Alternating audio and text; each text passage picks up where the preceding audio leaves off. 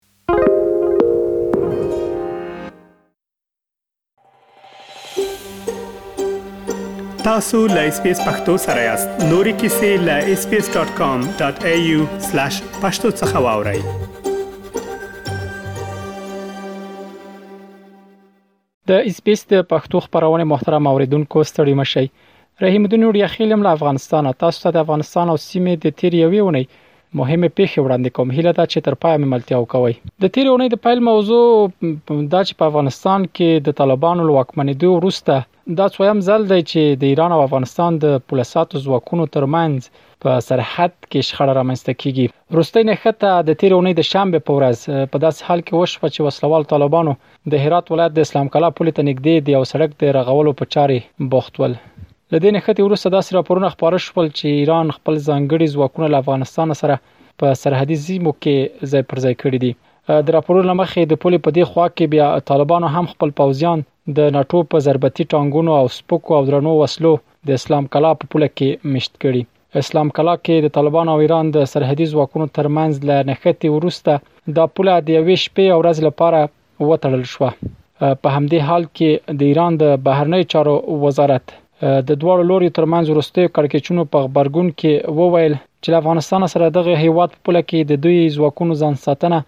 د طالبانو د ناسم په حویل عمله شوه او ایران د طالبانو حکومت سره د خو اړیکو جوړولو هڅه کوي طالبانو پر افغانستان له واکمنېدو وروسته تر اوسه د دې هیواد له ګاونډیو سره د نښتې څو پیښې ثبت کړې دي. د رسنیو د یو اجمالي څېړنې له مخې د طالبانو له واکمنېدو راهیسې د طالبانو او ترکمنستان، ایران او پاکستاني ځواکونو ترمنځ له لسو زیاتې نښتې ثبت شوې دي.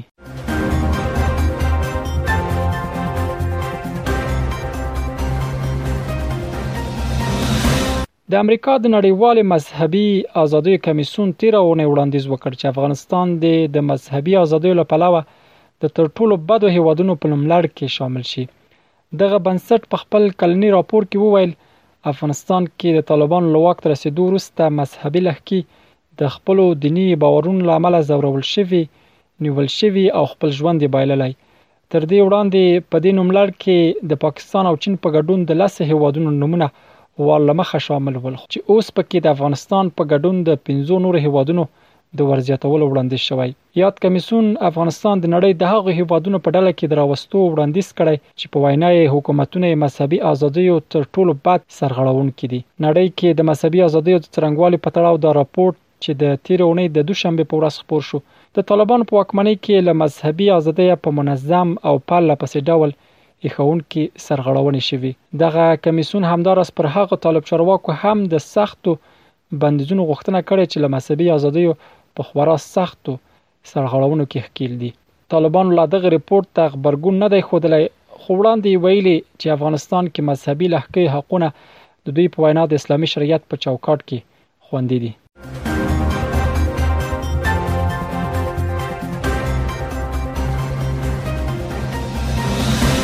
امریکا په افغانستان کې د اوه اعشاریه اوه میلیارد ډالرو په ارزښت خپل تجهیزات پریښي دي. سینن تیر اونۍ د چهار شنبه په ورځ د امریکا د پنټاګون په حواله په خپل راپور کې وویل چې واشنگټن له 2015 څخه تر 2020 کال پورې د پخواني حکومت امنیتي ځواکونو ته د 13.8 میلیارډ ډالر په ارزښت وسلې ورکړې دي. په دغه راپور کې راغلي ول چې له افغانستانه د امریکایي ځواکونو له وتو وروسته په دغه هیواد کې 900 میلیونه ډالر په ارزښت الوتکې او 40 زره پوځي وسایط پاتې دي. راپور کې دا هم راغلي ول چې د پخوانی حکومت ځواکونو ته ورکړل شوی د اړیکو تجهیزات له 300 زرو زیات وسله او شاوخوا 42 زره قطعې تخصصي تجهیزات پاتې شوي دي پنټاګون ویلي چې د اقطاعاتو کې رادیوي سیستمونه رمزي دستګاوې لیکدونکي شپني چشمې او د ارزونې تجهیزات، بایومټریک او د ځای پیدا کولو تجهیزات شامل دي. د پنټاګون راپور کې دا هم راغلي ول، اوس مهال اوکراین له ځینو هغه تجهیزاتو ګټه اخلي چې لومړی یې د افغانستان لپاره په پام کې نیول شوي وو. پنټاګون داسې مهال افغانستان کې له امریکايي ځواکونو د پاتې وسلو او تجهیزاتو په اړه راپور ورکړی چې څو موده وړاندې بیا د امریکا پخواني ولسمشر ډونالډ ټرامپ پر بایډن نیوکه وکړه چې افغانستان کې یې امریکايي تجهیزات پرېښي دي. طالب چارواکو بیا تر اوسه په دې اړه څه نه دي ویلي چې له امریکا متحده ایالاتو او پرځول شوي جمهوري نظام څخه څومره پوځي تجهیزات ورته په هېواد کې پاتې دي.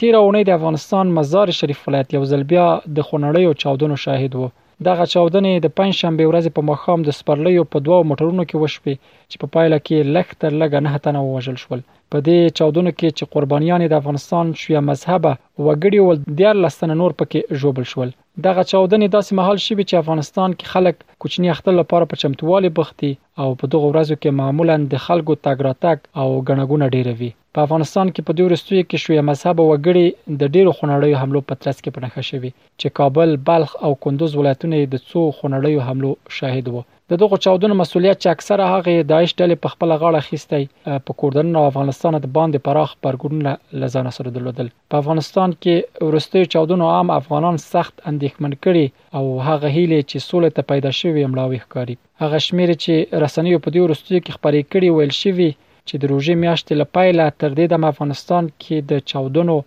جګړو او بمباریو له امله له سلو زیات ملکیان له سلو زیات ملکیان وژل شوي او شاوخوا درې سوه نور ټپیان شوي دي.